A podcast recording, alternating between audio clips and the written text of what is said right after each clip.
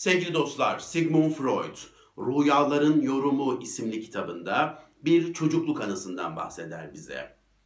Şöyle anlatır. 10-11 yaşlarındaydım. Babam bir gün beni karşısına aldı.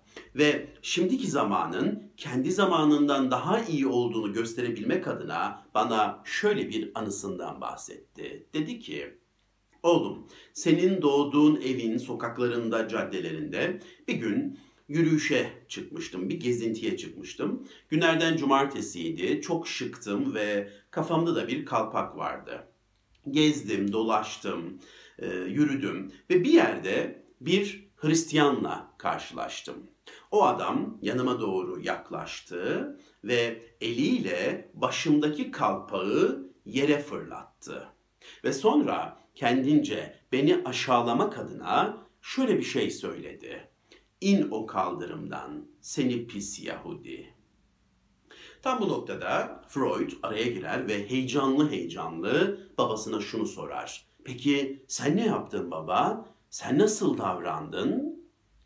Babamın kahramanca bir duruş sergilemesini bekliyordum. Babamdan kahramanca bir hareket bekliyordum. Babamın o adamla dövüşmüş olmasını umuyordum, diyor Freud. Ama bu beklentileri boşa çıkıyor. Babası oğlunun sorusuna şöyle bir cevap veriyor. Ne yapacağım oğlum? Hiçbir şey yapmadım. Usulca eğildim, kalpağımı yerden aldım, tozunu silkeledim, başıma tekrar taktım ve sonra da hiçbir şey demeden, tek kelime dahi konuşmadan sessizce, usulca sıvışarak oradan çektim, gittim. Sigmund Freud tam bu noktada diyor ki çok büyük bir hayal kırıklığı yaşadım. Babamın hiç de kahramanca olmayan bu hareketi bende büyük bir hayal kırıklığı yarattı. Ve o esnada kendimi ünlü Kartaca komutanı Hannibal Barca ile kıyasladım. Babası Hamilkar Barca, oğlu Hannibal Barca'yı benim yaşlarımdayken karşısına alır ve ona cesaret öyküleri anlatırmış. Hamilkar Barca, oğlu Hannibal Barca'yı kahramanlık öyküleriyle, cesaret öyküleriyle büyütmüş. Ama benim babam bana korkaklık öyküleri anlatıyordu. Diyor. Sevgili dostlar, Sigmund Freud babasını elbette sevmektedir. Babasına karşı derin bir saygısı, derin bir muhabbeti tabii ki vardır. Hatta babası öldüğünde yoğun da bir depresyon yaşar Freud. Ama bu olayla beraber babası onun kahramanı olma özelliğini kaybetmiştir maalesef. Artık babam benim için bir kahraman değildi diyor Freud. Kahramanlık koltuğundan inmişti diyor ve kendime yeni kahramanlar aramaya başladım diyor. Hannibal'ı daha çok okudum. İskender'i okudum. Gittim mitolojideki kahramanlık ve cesaret öykülerini okudum diyor. Sigmund Freud çocukluğunda, gençliğinde ve illaki yetişkinliğinde çok ciddi şekilde, yoğun şekilde cesaret öyküleri okumuş. Freud kişiliğini, karakterini, hamurunu cesaret öyküleriyle yoğurmuş. Peki neden böyle yapmış? Şunun için bir yapı düşünün. Bu yapı çeşitli rüzgarlara, fırtınalara, sarsıntılara maruz kalıyor ve siz de bu yapının yıkılmasını istemiyorsunuz.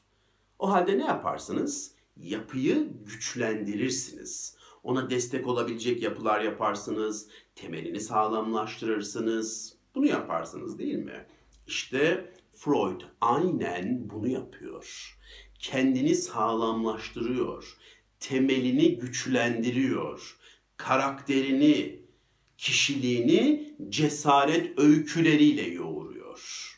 Ve bu yaptığı şeyler tabii ki zamanı geldiğinde işe yarıyor. Çünkü Freud yetişkinlik yıllarına geldiğinde çeşitli fırtınalara maruz kalıyor, rüzgarlara maruz kalıyor, sarsıntılara maruz kalıyor, tehditlere maruz kalıyor, boyun eğmesi isteniyor yeni geldiğinde. İşte bu noktalarda sarsılsa da yıkılmadan durmayı başarıyor. Yani cesaretli duruşlar sergiliyor. Cesareti yaşıyor Freud. Yıllarca cesareti okumuş insanların tehditlere karşı, darbelere karşı nasıl cesaretli duruşlar sergilediğini görmüş. Bunu öğrenmiş, bunu biliyor. Teorisini çok iyi biliyor ve zamanı geldiğinde de onu uygulamaya döküyor. Gördüğü, öğrendiği şeyleri zamanı gelince de alnının akıyla yaşıyor. İşte Freud kendi kendine cesaretli bir insan olmayı bu şekilde başarıyor. Cesaret okumaları yapmış, hamurunu cesaret öyküleriyle yoğurmuş, insanların nasıl cesaretli duruşlar sergilediğini görmüş, öğrenmiş ve zamanı geldiğinde de öğrendiklerini, gördüklerini hayata geçirmiş, cesaretli duruşlar sergilemiş, cesareti yaşamış. Sevgili dostlar, çocuklarınıza cesaret öyküleri anlatın. Korkaklık öyküleri değil. Çocuklarınıza dik durmayı öğretin. Çocuklarınıza haklarını aramayı öğretin. Çocuklarınıza boyun eğmemeyi öğretin. Ve çocuklarınıza dövüşmeyi öğretin. Daha doğrusu dövüşmeyi değil, kendilerini savunmayı öğretin. Dışarısı, sokaklar, caddeler sevgi kelebekleriyle dolu bir cennet değil maalesef.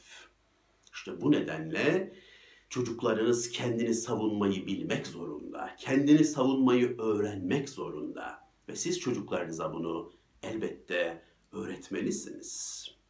Ben bir film izlemiştim.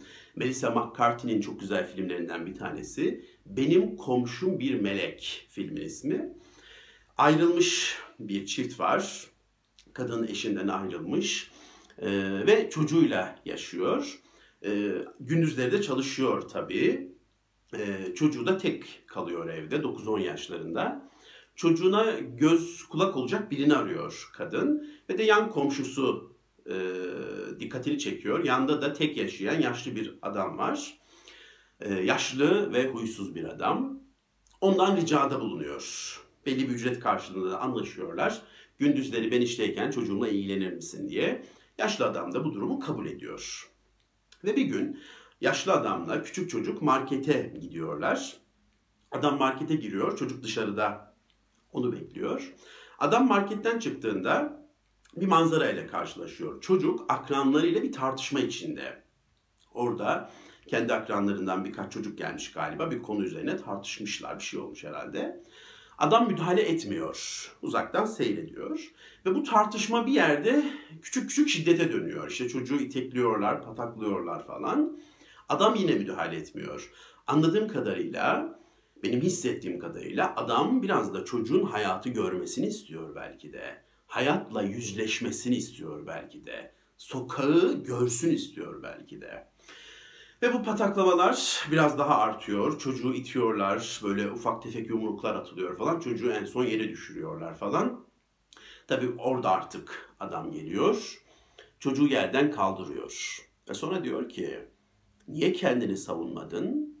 Niye kendini korumuyorsun? Çocuk da diyor ki, ben kendimi nasıl savunmam gerektiğini bilmiyorum.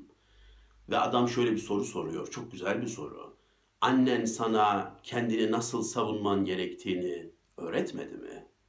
Yok diyor, hayır öğretmedi. Ve adam diyor ki, hadi gel sana kendini nasıl savunman gerektiğini öğreteceğiz. Sevgili dostlar, anneniz ya da babanız size kendinizi nasıl savunmanız gerektiğini öğretti mi? Anneniz ya da babanızdan cesaret öyküleri dinleyerek büyüdünüz mü? Benim babam sadece geçim derdiyle ilgilenirdi. Onun tek bir işi vardı, evi geçindirmek. Annemin tek işi de horantanın karnını doyurmak. Horanta kelimesini bilmeyenler için söyleyelim. Bilenler mutlaka vardır. Kalabalığı ifade eden, o ev halkını ifade eden bir kelimedir. Annemin de tek işi o ev halkının, horantanın karnını doyurmaktı. Babam kendi işiyle, annem de kendi işiyle o kadar meşguldü ki bize çok daha bir eğitim vermediler. Ya da veremediler bilmiyorum. Ve bize öyle öyküler falan anlatmadılar. Ben babamdan da annemden de hiçbir cesaret öyküsü dinlemedim. Hep söylüyorum ve bana kendimi nasıl savunmam gerektiğini de öğretmediler. Hep söylüyorum, belki bin defa yine söyleyeceğim. Her insanın varoluşu kendi sorumluluğundadır. Her insan kendini var etmek zorundadır. Ama bu ülkenin insanları bu sorumluluğu daha fazla yerine getirmek zorunda. Biz bu ülkenin evlatları birçok şeyi el yordamıyla öğreniyoruz. Kendi çabalarımızla öğreniyoruz. Kendi varoluşumuzun sorumluluğunu başkalarına göre 3-5 kat daha fazla almak zorundayız. İşte bu konuda da bu sorumluluğu sergileyeceğiz. Annemiz babamız bize cesaret öyküleri anlatmamış olabilir ama biz cesaret öyküleri okuyacağız. Gideceğiz kahramanlık öyküleri bulacağız, onları okuyacağız. Hannibal'ı okuyacağız. Mitolojideki cesaret ve kahramanlık öykülerini okuyacağız. Tarihimizin birbirinden anlı şanlı kahramanlık destanlarını okuyacağız. Atatürk'ümüzün hayatını okuyacağız. Kendimizi kahramanlık ve cesaret öyküleriyle besleyeceğiz. Kişiliğimizi, karakterimizi, hamurumuzu cesaret öyküleriyle yoğuracağız. Korkaklık öyküleriyle değil.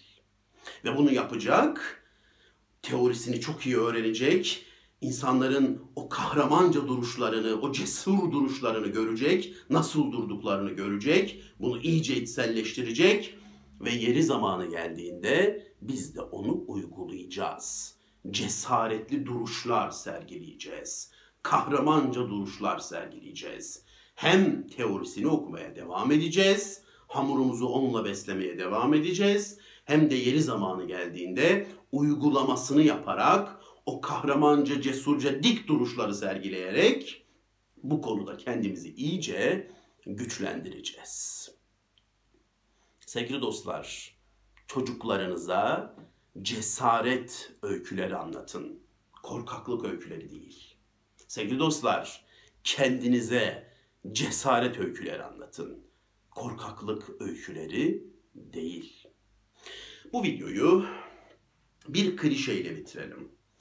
Klişeler klişedir ama bazen bazı durumları en iyi şekilde klişeler anlatır. Bu videoyu da bence bir klişe çok güzel şekilde özetleyecek ve bitirecek. Cesurlar bir kez ölür. Ama korkaklar her gün. Dinlediğiniz için çok teşekkür ederim. Hoşçakalın.